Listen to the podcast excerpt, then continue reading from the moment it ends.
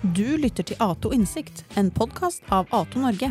I Ato er vi 60 konsulenter som i snitt har over 20 års erfaring fra utviklingsprosjekter og ledelse i privat og offentlig sektor. Rådene får du av erfarne konsulenter, og prosjektene gjennomføres av de samme konsulentene. Abonner gjerne på vår podkast på din foretrukne plattform.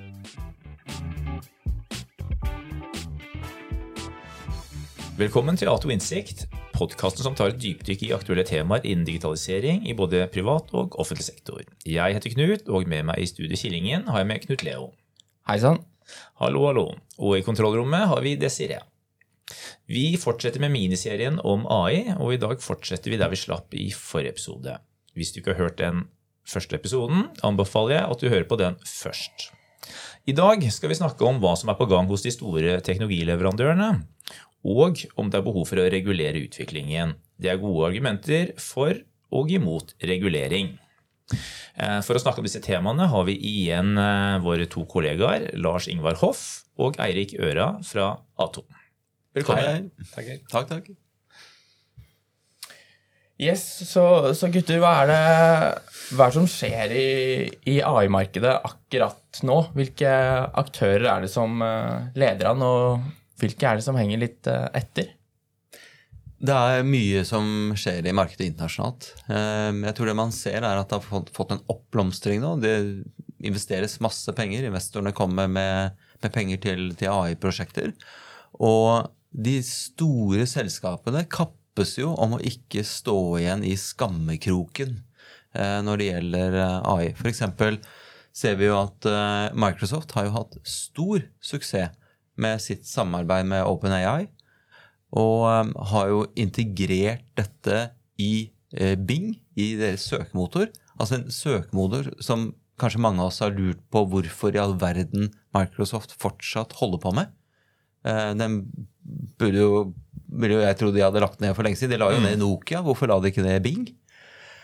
Og så har de um, også klart nå å integrere dette i uh, Office-pakken. Altså det som brukes av millioner av mennesker rundt omkring hver eneste dag. Og vi kunne, altså med denne co-pilot-produktet deres, altså kommer til å kunne ta dette til, um, uh, til, til, alle og virkelig være nyttig for, for alle. Og det, det, som også Microsoft har gjort, altså de har jo en, en visjon om at de skal gjøre alle mer produktive, både på privaten og på jobben. Og dette har de klart å integrere så godt i den, eh, den uh, visjonen altså, De har klart å integrere AI og bruken av AI så godt i den eh, visjonen at de egentlig ligger mange hestehoder foran de andre. Og, og våre stakkars venner i Google, de, eh, de, må jo ha våknet opp til et mareritt, for de har jo ikke fulgt med i timen i det hele tatt. Og er blitt rett og slett eh, overkjørt fullstendig. Og prøver nå sine desperate forsøk da, med å komme opp med løsninger som skal fungere i deres søkemotor.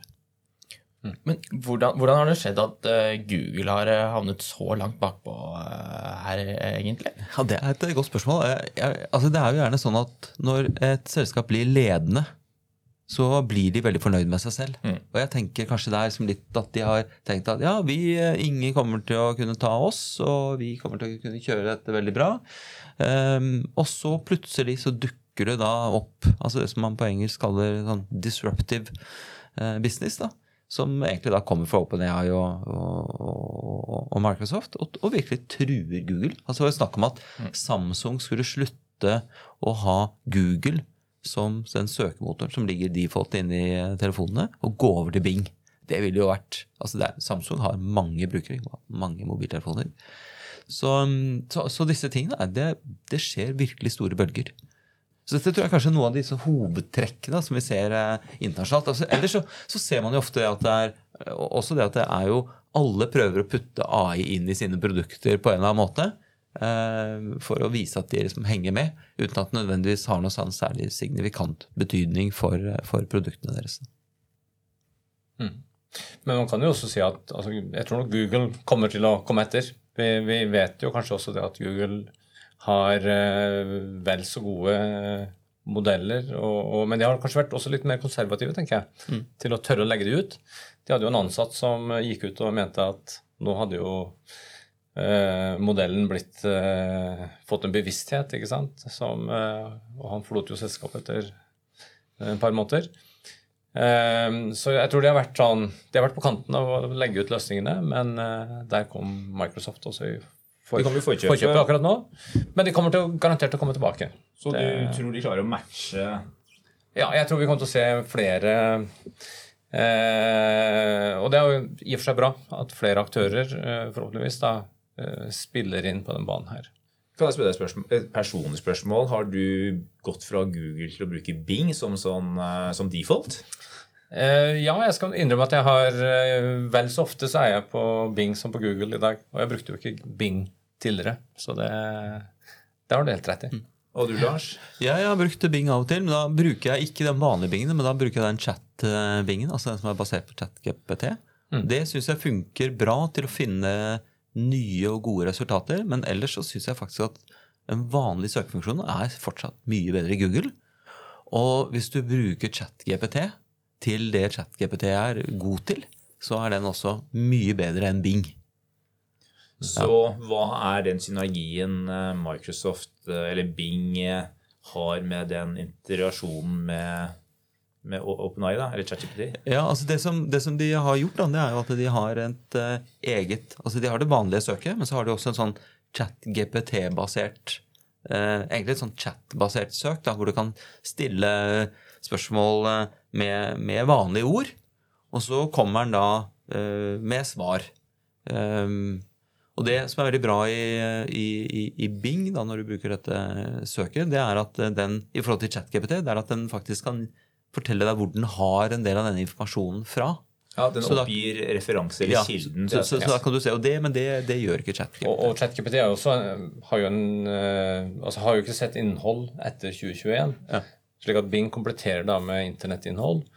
Og, og, dagens eh, ja. med dagens innhold, og, og får ChatGPT til å gå over det. Når den sammenstiller et svar, kan du si.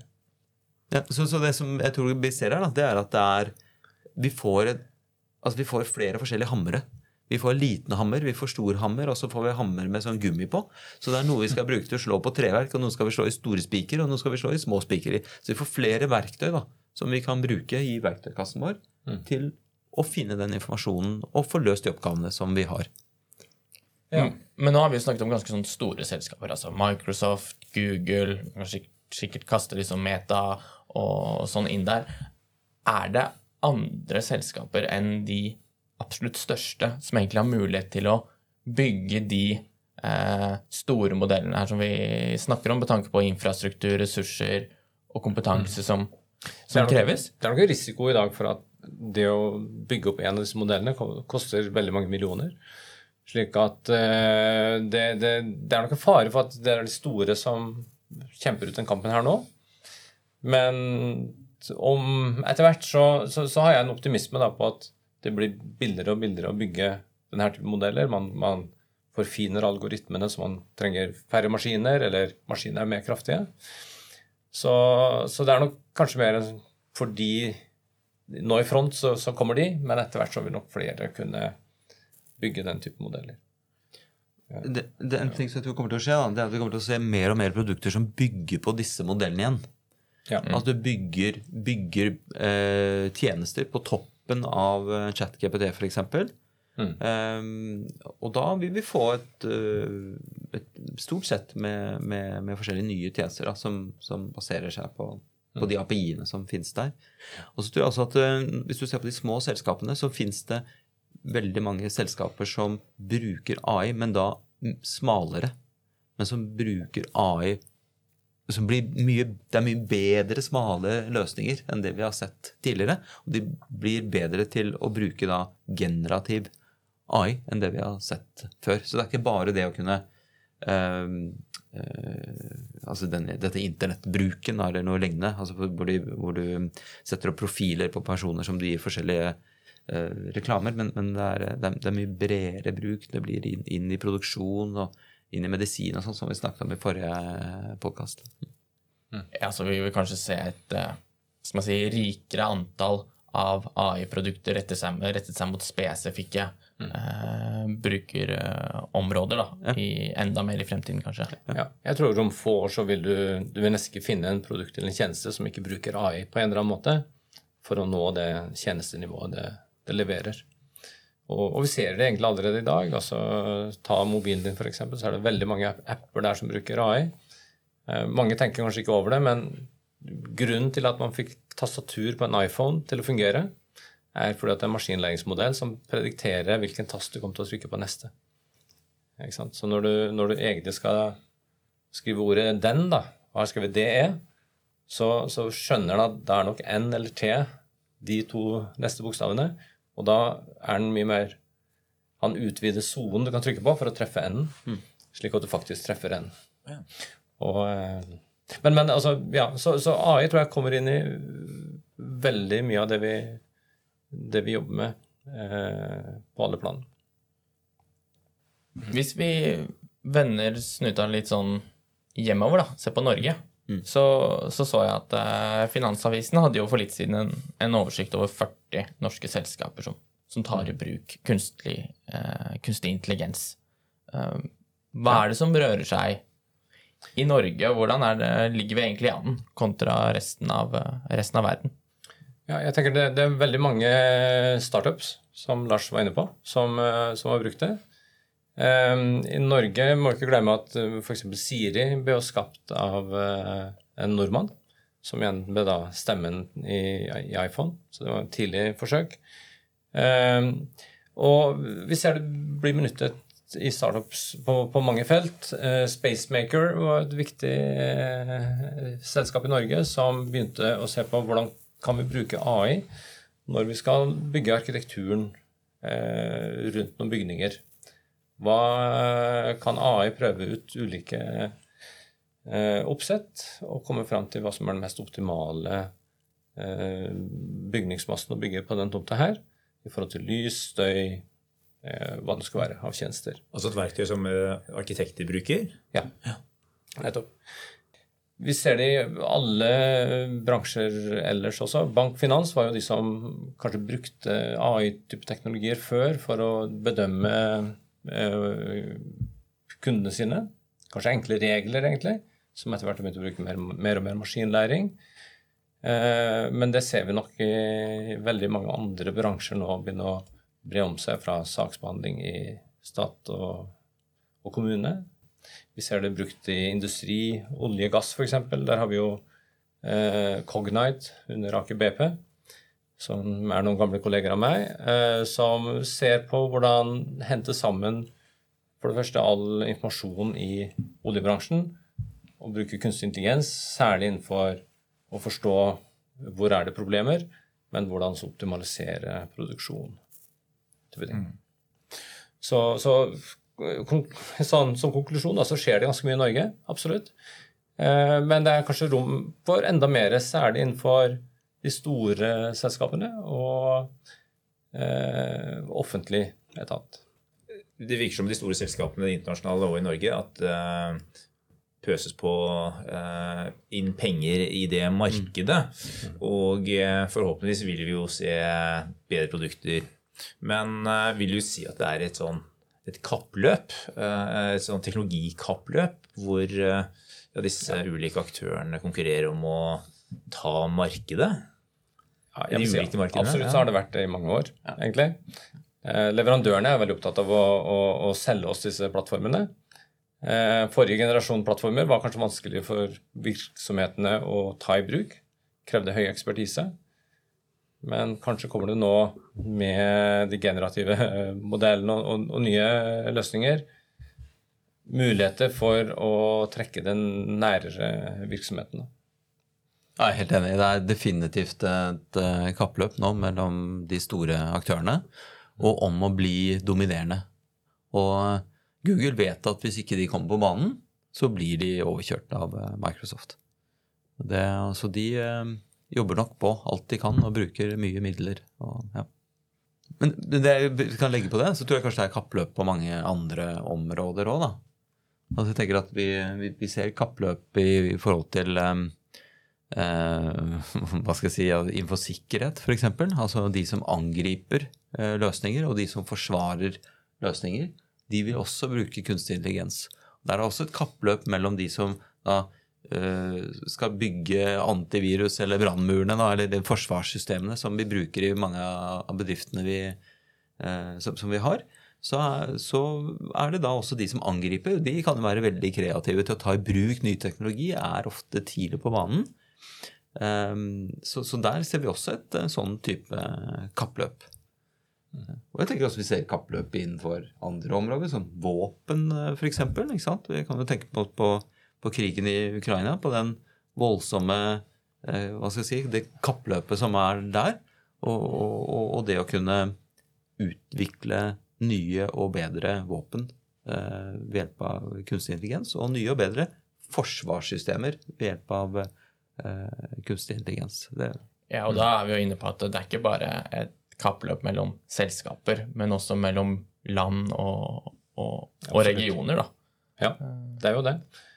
Akkurat nå så er det kanskje USA som ligger veldig godt an der, men vi vet også at Kina og andre land har vært veldig langt fremme på domenet. Så de vil, det kan være neste vi ser at Kina kommer med en ny generasjon modeller da, som, eh, som slår de amerikanske og europeiske.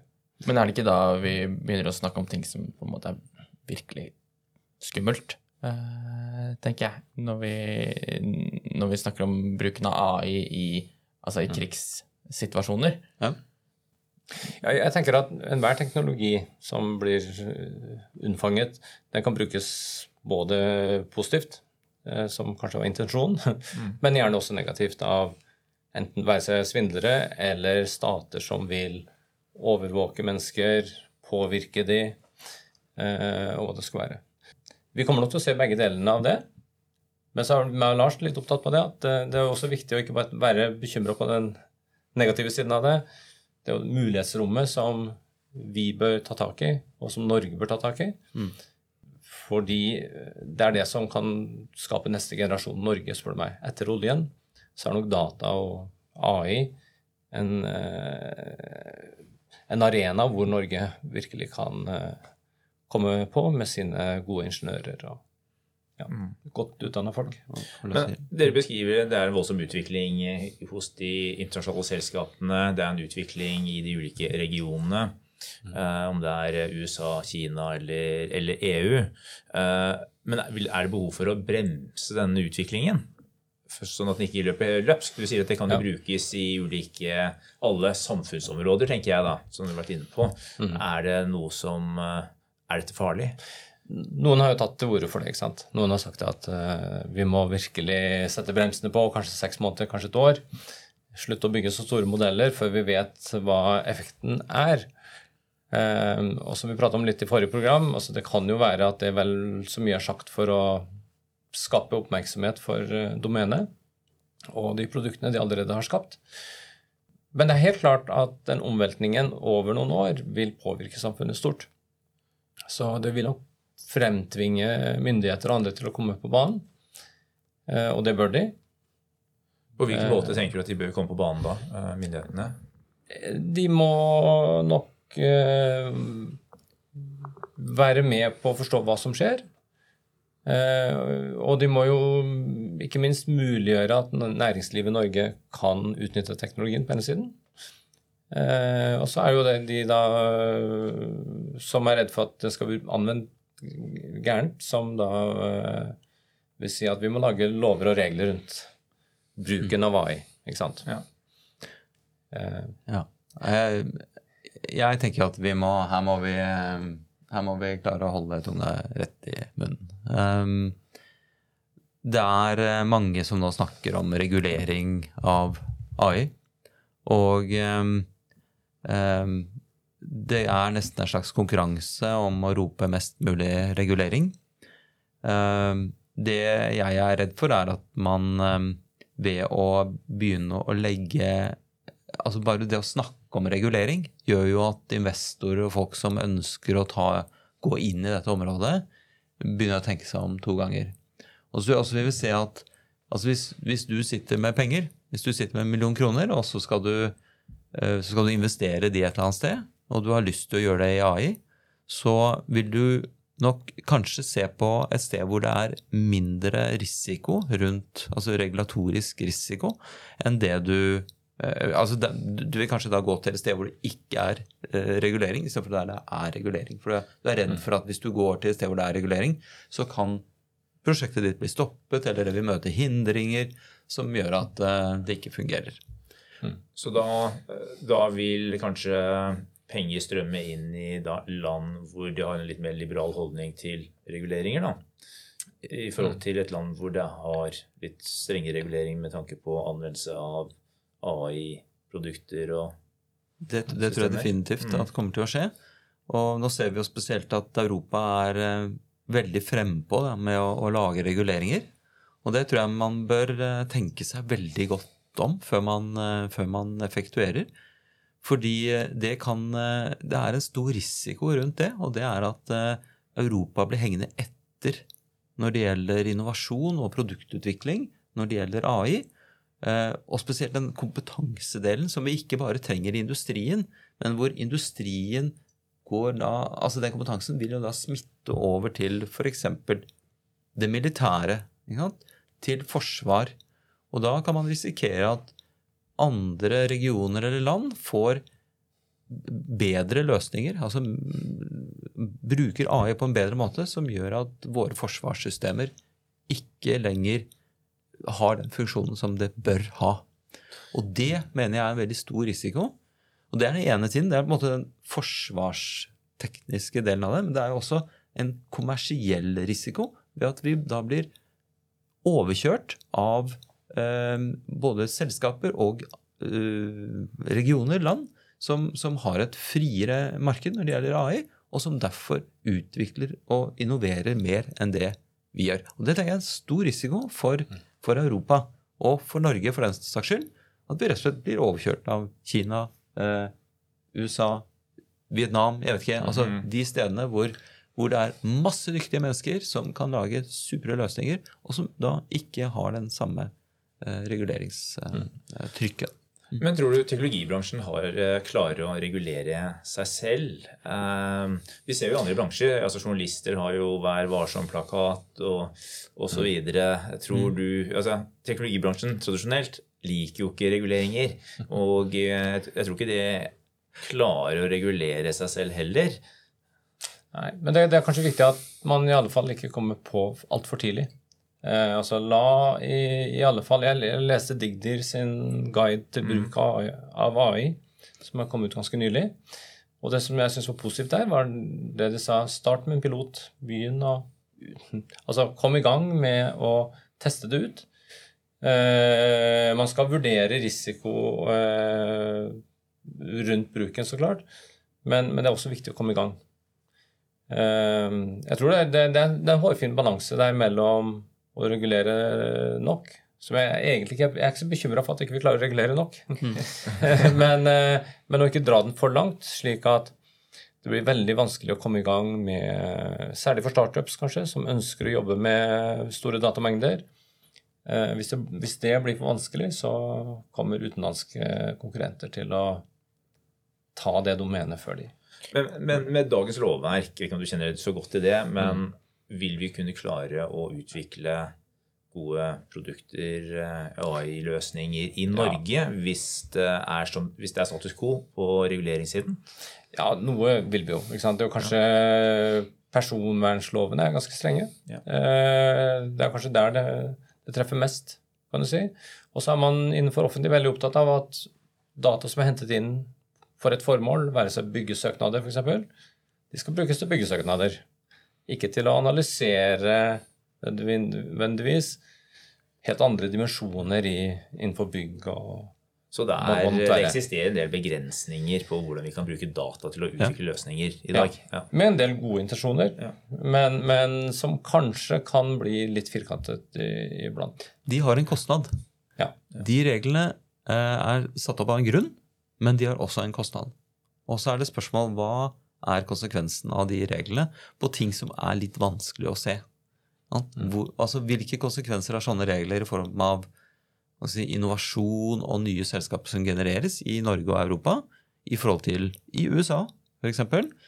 Eh, I et tiårs- og et 20-årsperspektiv. Jeg tror det er sånne ting som man da kanskje ikke har At man ikke har sett ordentlig på. da. Men der kan du jo trekke inn altså ikke bare regulering. Det er altså, også på en måte skattetrykk og forutsigbarhet på, på andre områder som også spiller inn på hvorvidt disse nye innovasjonene, disse nye selskapene blir startet i Norge, i USA, i EU eller et annet, eller et annet sted. Ja, Vi ser vel større investorvilje i utlandet enn kanskje her i Norden rundt eh, AI-selskaper. Eh, Men en annen ting som jeg tenker på også, en ting er regulering, men, men kanskje vel så mye viktig er jo behovet for da, det jeg vil kalle omregulering. At 30-50 år gamle lover og regler som, som var for datidens samfunn, kanskje ikke helt matcher med den moderne bruken av data i dag, for, særlig for analyse. Eh, og der er det mange, særlig for offentlig, som, som blir nødt til å se på har vi for gamle, firkanta regler, eh, og er vi nødt til å redefinere de, sånn at vi fortsatt har ansvar for individet, men vi kan tillate da å bygge nye løsninger ved hjelp av den enorme datamengden vi har. For da snakker vi mer om at det ikke nødvendigvis skal være hva skal man si, mindre regulering, i anførselstegn, men at det må reguleres riktig, da, eller på riktig sted. Ja. Eh, Ja, ta, ta et eksempel. ikke sant? Innenfor helsevesenet, som Lars har jobbet innenfor, så, så er jo en ting altså du har, du har vært hos legen, og du har fått en journal med noen bilder, som noen røntgenbilder, eller hva det er. Eh, lovteksten sier jo at det er da informasjon og data som er samlet inn for at legen skal behandle deg, men ikke for at en tredjepart skal drive og analysere på, på disse bildene. og den, Eller lage løsninger. da. Eller, eller lage løsninger, ikke sant? Så, og det gjør at det blir veldig fort stopp da, hvis et firma skal prøve å samarbeide med helsevesenet innenfor dette. Vi tror vi hadde et norsk firma som het Ansys, som prøvde seg i Grimstad sykehus for å spørre kunne vi trent oss på alle journaler for å finne ut om vi kan veldig raskt lese journalen og fortelle om noen er allergisk. Men nei, da ble det stopp. Fordi at eh, det var ikke det journalen var ment til. Og det, det er litt der vi kanskje er ganske enige om at det, det, det, er en grense der som kanskje må flyttes litt på. Og det, synes jeg, der, altså det stiller noen etiske dilemmaer. Fordi det betyr at den løsningen, hadde de fått laget den altså For det, det går jo på at eh, du raskt må vite om en pasient er allergisk, og av og til så er ikke pasienten bevisst. Han kan ikke fortelle deg at ja, jeg tåler ikke penicillin. Men du må raskt ha den beslutningen. Og hvis da legen skal gå gjennom masse journaler for å finne ut om man har eh, denne typen allergi, så vil han kanskje ikke rekke å gi denne eh, medisinen. Ellers kanskje han overså en eller annen notat fra en eller annen lege på et eller annet tidspunkt hvor det står at han har da eh, penicillinallergi. Mm. Så det betyr at du risikerer at hvis ikke du får laget den løsningen, så kommer noen til å dø. I første, første ledd. Men ikke minst, i andre ledd Ja. så kommer det om noen år en utenlandsk løsning som gjør akkurat det samme. Ja. Trent på utenlandske data, oversatt til norsk. så, så jeg tror løsningen kommer åkke som. Men fordi så, så i mellomtiden, så i mellomtiden da, Ja. så kommer noen til å dø, og vi mister business i Norge. Ja. Så det er både konsekvensen av det. Og så er det ok, var det verdt det? Mm. Ja, var det verdt å begrense bruken av dataen på den måten? Det tenker jeg er dilemma. Så det er nok det at ting utvikler seg raskere enn lovverket. da. Det er en utfordring. Ja. Men hvor, hvor bør vi regulere, da? Jeg tenker jo eh, Hvis man ser på eh, hvilken autonomi en gir disse eh, systemene til å ta eh, hva skal man si, valg på egen hånd uten menneskelig eh, innblandelse, der ligger det eh, potensielt en, en risiko både at det, hva skal man si, i utgangspunktet en ukjent en, en potensielt ukjent eh, risiko, og en, og en sånn innebygd systematisk eh, risiko i systemet. Uh, Du, du kan si Det det er to viktige ansvar i det å bygge en løsning basert på AI, sånn som jeg, jeg tenker på det. Det ene er når du bygger en modell som skal rådgi og beslutte på noe, så skal du lage den slik at den den, den, eh, den kan stoles på. Altså, den har ikke sterkt bias mot å svare det ene eller det andre. Eh, eller fungerer bare for menn, men ikke for kvinner, f.eks. Eh, så du, har et ansvar der for å ha kvalitetskontroll på, på det du skaper. Og det er jo det, noe av det myndighetene er opptatt av. Og det andre er hva du faktisk anvender den til. Eh, hvordan den treffer marked og forbruker og kunder. Eh, det er også noe man, myndighetene er veldig opptatt av. At vi skal klare å ha en kontroll på den risikoen som er der. Jeg, jeg tenker at vi har mange regler i dag. Altså vi har generelle regler som sier ting. Og vi har også uskrevne regler, som f.eks. at det du skal gjøre, er etisk. Og jeg tenker at Du må bruke disse løsningene på etiske måter, og måter som fungerer innenfor dagens lovverk. Jeg tror ikke det er riktig å regulere AI spesielt. For AI er bare en matematisk modell. Da må du eventuelt regulere andre algoritmer også, slik at du har eh, regler for hva du kan F.eks. når det gjelder autonomi. da, Hva kan du bruke datasystemer til? Kan du bruke datasystem til å styre en bil? Ja, ja nei. Og hvem er ultimat ansvarlig for det som skjer der? Ja. Ja, og, og, så, og, for du Vi kobler til systemer. Så er, systemer får eh, bli til, koblet til på en måte som gjør at de blir autonome. Sånn at de kan eh, ikke bare rådgi, ikke bare beslutte, men faktisk effektuere det de, det de gjør. Og det er klart, når det er når de effektuerer at det er, kan oppstå øh, fare eh, eller da kan det f.eks. som vi har liksom flåste eksempel, at vi kobler et eh, datasystem til å kunne trykke på den røde knappen, eh, atomknappen. Og det er klart at det vil være høy risiko, og det vil være svært dumt å gjøre. Eh, Men det gjelder ikke bare for AI-systemer. Det gjelder generelt. Altså Bør vi koble et, et system til å kunne trykke på den knappen for oss, eller bør det til syvende og sist være et menneske som gjør det? Tilsvarende i helse er det datasystem som skal diagnostisere deg, finne frem til medisinene og gi det til deg, eller opp, til og med operere deg? Eller er det et, eh, et datasystem som diagnostiserer og foreslår medisiner, men at det er en lege som til syvende og sist gir deg medisinene, forklarer deg hvordan det er, og da eventuelt opererer deg ved hjelp av eh, altså AI-assistert eh, operasjoner. Um, så, så jeg tror det, på en måte, det, er en sånn, det er en del sånne ting da, eh, som, som man kanskje kan eh, si noe om. Men jeg tror du skal regulere AI som AI. Da må du regulere bruken av maskiner og, Nei, og du- og algoritmer. Og du kan ikke regulere AI på forhånd. Altså, du kan ikke si AI skal kun slippe til når vi vet at AI fungerer 100% Altså, AI skal kun få lov til å kjøre bilen, f.eks., når, når noen kan bevise at den er 100% trygg. Fordi at en person som kjører en bil, er jo heller ikke 100% trygg. Så det, det handler mer om å la AI slippe til på banen, på være seg kjøre bil eller hva det er.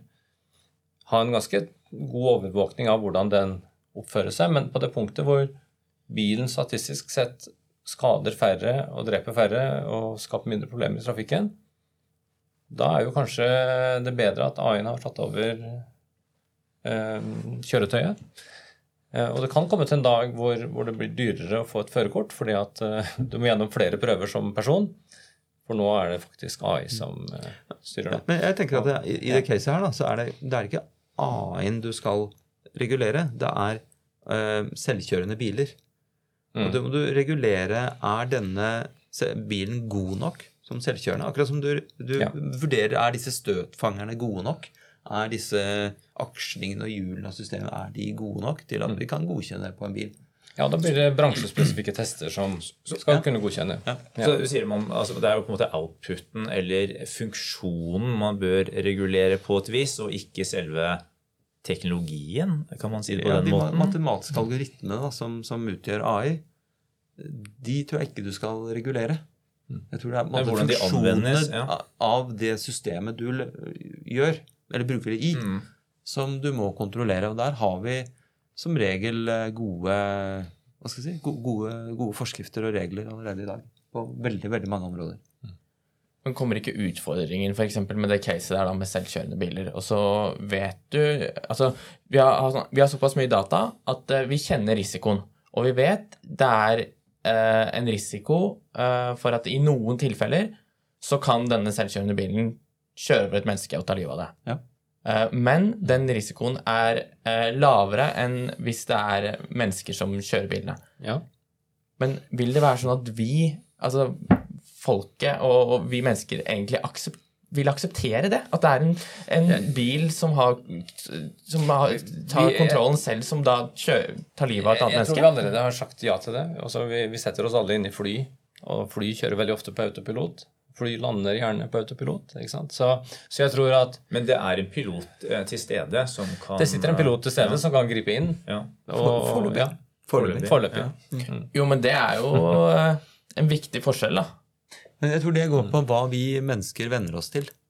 At når etter hvert som AI blir mer dominerende og bedre, så kommer vi til å venne oss til at denne bilen er det ingen fører i. Det kommer til å være helt vanlig og helt trygg. Ingen kommer til å løfte et øyenbryn over at den er på den måten. Hvor langt frem i tiden er du ser nå, Lars? Da var det glasskula, da. Rett over jul. Rett over jul. Nei, men jeg tror dette er noe som kommer til å, å, å gå seg til. og Det er selvfølgelig vanskelig å si noe tidspunkt. Det kommer jo an på mange Altså hvordan kommer denne utviklingen til å, til å gå? Og det kommer også an på hvor vanlige ting blir. Altså hva vil man få lov til å gjøre? Ja? Vil man få lov til å kjøre biler som er selvkjørt? Så vil du etter hvert begynne å venne deg til det. Kanskje det er enkelte veier det, blir lov. Kanskje på ringveien så blir det lov, men ikke i bykjernen f.eks. Eller motsatt. det kan hende. Eh, Så, så, så vil man da eh, Kanskje det er veier som blir merket på spesielle måter, sånn at den selvkjørende bilen skal bli tryggere. Så der får du lov. Så begynner du der, og så etter hvert da, så går det, går, går, går det seg det vil skje litt sånn inkrementelt, men det jeg sitter med, med en følelse av, det er at det utenkelige vil skje. Altså, det er, for meg er det utenkelig å la en bil frakte meg fra A til B uten altså, en selvkjørende bil. Ja. Så jeg tenker at det vil nok skje, det. Ja, Ja, ja, absolutt. ja, det, det, det I kommer nær framtid å òg, skje. kanskje. Men nå har vi jo snakket litt om hvilke reguleringer, eller ikke-reguleringer, først og fremst, eh, vi, eh, vi og, de, og dere ser for seg. Da. Men hva er, hva er det vi tror kommer til å skje?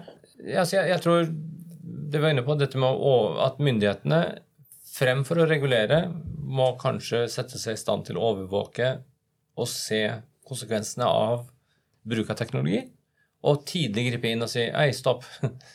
Her begynner det å skje ting. Men er det det vi tror kommer til å skje? Eller kommer eh, holdt si, reguleringskåte EU eh, til å gripe inn? eh? Ja, jeg er veldig redd for det. Er, dette er faktisk noen av de tingene som jeg er bekymret for. og Det er at vi får mindre innovasjon i EU. Det blir mindre penger som går inn til AI-prosjekter. Det betyr at vi får mindre kompetanse på dette i, i regionen. Og så vil USA og Kina og andre områder de vil da bli ledende på dette, både kommersielt og militært. Og det kan få følger for, for, for Europa. Ja. Det, på en måte så, så kan det sette oss litt i bak, bakevja, kan du si. Ikke sant? Og, men nødvendigvis ikke på alle felt, tenker jeg dog, da. Det er jo mange, Du kan jo bruke det på felter hvor du ikke har så mye persondata osv. Ja, altså, det um, finnes mange AI-løsninger for eh, lakseoppdrett, f.eks. Som, eh, Ja. som Ja, kan oljebransje, øh, osv. Ja. Det virker på- meg at her i EU altså Det er ikke sikkert vi får utviklet disse løsningene, men vi har ikke noe problem med å bruke disse løsningene som er utviklet Det- andre steder. Det spørs.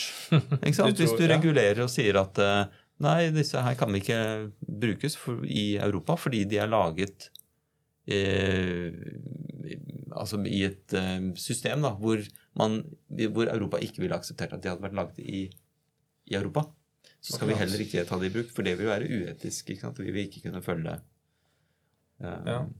altså de samme standardene. Nei, jeg tror faktisk at vi vil komme til å bruke løsninger som er utviklet i la oss si Kina, som har andre standarder for eh, personvern, for å si det sånn. Ja, ja, altså, vi, vi kjøper jo ting som Men vi har jo, vi har jo den typen eh, regler f.eks. når det gjelder barnearbeid. så sier vi at vi skal ikke kjøpe igjen varer som er laget på en måte av mindreårige, eller som utnyttes da, i, i, i, i produksjon i, i andre land. Eh, og det kan jo hende at man får den typen mm. regler da, også når det gjelder eh, AI.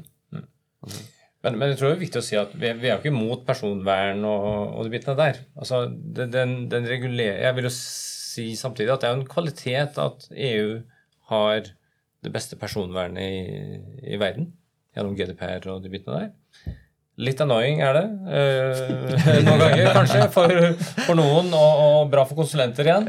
Men, men eh, Og det må også tilpasses og moderniseres, eh, det også. Men eh, ja, det, er, det er en balanse da, mellom jeg- jeg ser- hvilket samfunn vi vil ha. Og, Men men jeg ser også har noen Altså det som kanskje de aller fleste i dag påvirkes av, da, som er en følge av GDPR, det er at når de går inn på en nettside de ikke har vært inne på før, så får de da sånne eh, cookie-spørsmål. Og jeg mener greit, det er fint at jeg kan kutte ut cookies, men jeg tenker at dette kunne de kanskje ha løst på andre måter.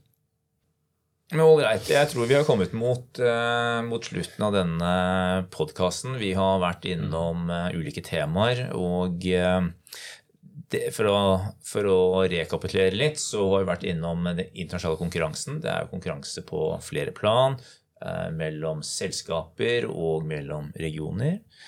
Det skjer mye i Norge, men det er kanskje litt usikkert hvor, eh, hvordan, hvor utviklingen går, på, med tanke på reguleringer vi er bundet av her, i, her til lands.